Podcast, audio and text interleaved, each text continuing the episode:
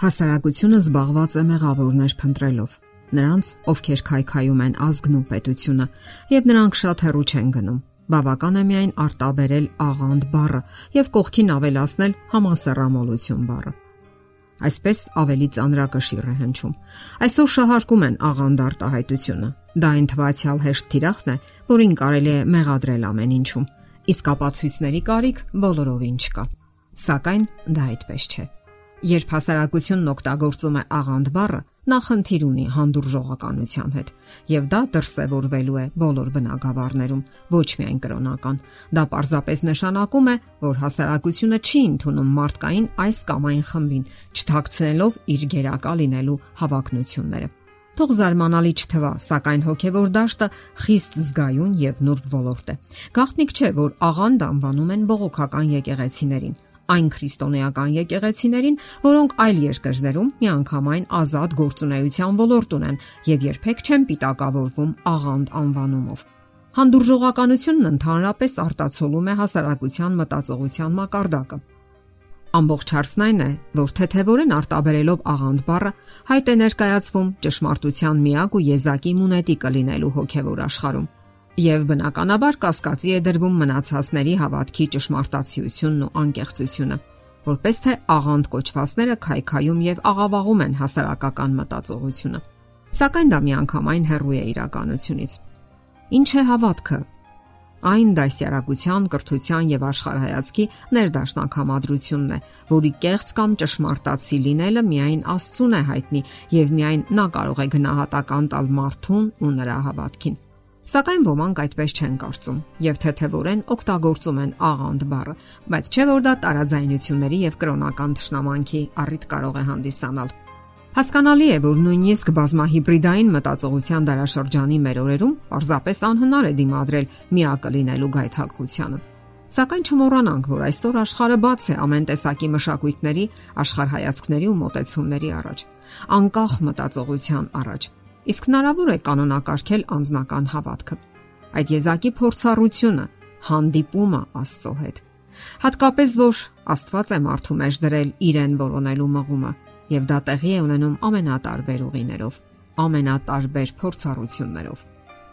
Եթե մենք քրիստոնյա ենք եւ ընդունում ենք Աստծո գոյությունն ու նրա ներկայությունը մեր կյանքում, ապա պետք է ընդունենք նաև, որ նա լիովին ընդունակ է ուղղորդելու եւ վերահսկելու մարդ Աստված փոխհարաբերությունը։ Ընդ որում միայն նա։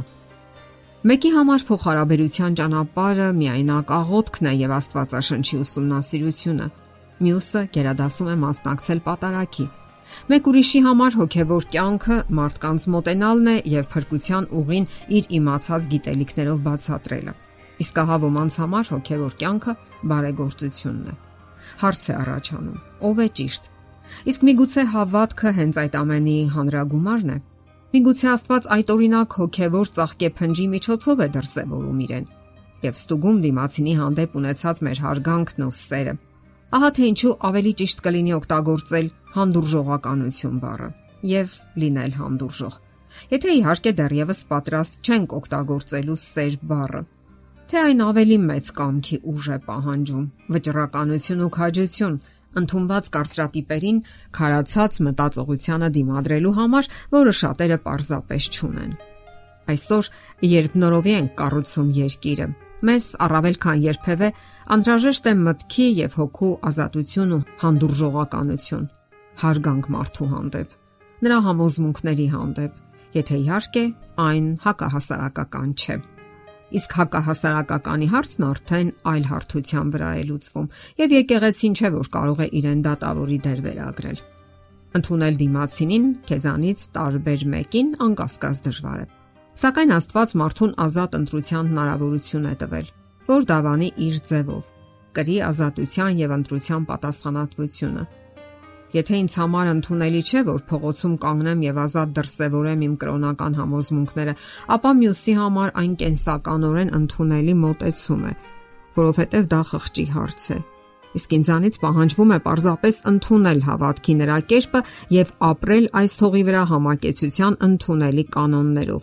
եթե պատրաստ չեմ բարեկամություն անել նրա հետ։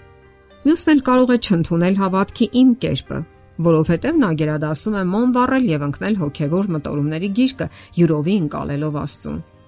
Իսկ արդյոք դա նրան իրավունք է տալիս աղանդավոր անվանել նրանց, ովքեր նախապատվություն են տալիս հավատքի մերինից տարբերվող ձևին։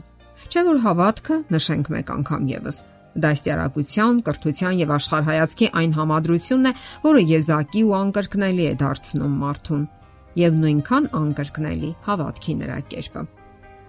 Ընդհանրապես կարևոր է հասկանալ, որ քրիստոնեությունը հասարակական մտածողության ու գործունեության մշակութային դաշտ է մցրել շատ կարևոր մի ըմբռնում՝ հարգանք մարդու հանդեպ։ Չկա ուրիշ որևէ կրոն, որտեղ այդքան հստակ ու որոշակի դրսևորվի ընտրության ազատությունը կարևորվի հարգանքը մարդու հանդեպ։ Եթե շատ կրոններում խղճի ազատություն եւ ընտրություն գոյություն չունի, ապա քրիստոնեությունը տալիս է ընտրության այդ հնարավորությունը եւ նույնիսկ Աստծուն մերժելու հնարավորությունը։ Օգտագործելով աղանդ բառը մենք խախտում ենք համակեցության པարս կանոնները եւ ճնշում գործադրում ուրիշների խղճի ու համոզմունքների վրա։ Քրիստոնեական հեղինակներից մեկը այսպիսի միտք է արտահայտել. Եթե ինձ չներկայացվեն սուրբ գրքից բխող པարս փաստարկների ապացույցները, ես չեմ հրաժարվի իմ համոզմունքներից, որովհետև խղճին հակառակ գնալը ոչ ճիշտ է, ոչ անվտանգ։ Կարծում եմ, կլինեն առարկություններ այստեղ արտահայտված մտքերի վերաբերյալ։ Ինձ ավելի շատ կզարմացներ հակառակը, որովհետև այդ բոլոր հակաճառությունները միայն կապացուցեն, որ մեր աշխարհը իսկապես գեղեցիկ ու հետաքրքիր է մտածողության ու մտածումների իր բազմազանությամբ։ Սակայն մի պայմանով՝ մյուսի ազատությունը չպետք է ճնշի իմ ազատությունը։ Մարդկային իմ եզակիությունն ու անկրկնելիությունը, մտածողության իմ կերպը եւ այս փոքրիկ հողակտորի վրա համատեղ ապրելու մեր անխուսափելիությունը։ Իսկ դրա պայմանը հանդուրժողականությունն է եւ ոչ թե մեր օրերի համար պարզապես անհեթեթ վհուկների ворսը։ Եթերում ղողանջ հավերժության հաղորդաշարներ։ Ձեզ հետ է Գեղեցիկ Մարտիրոսյանը։ Հարցերի եւ առաջարկությունների համար զանգահարել 033 87 87 87 հեռախոսահամարով։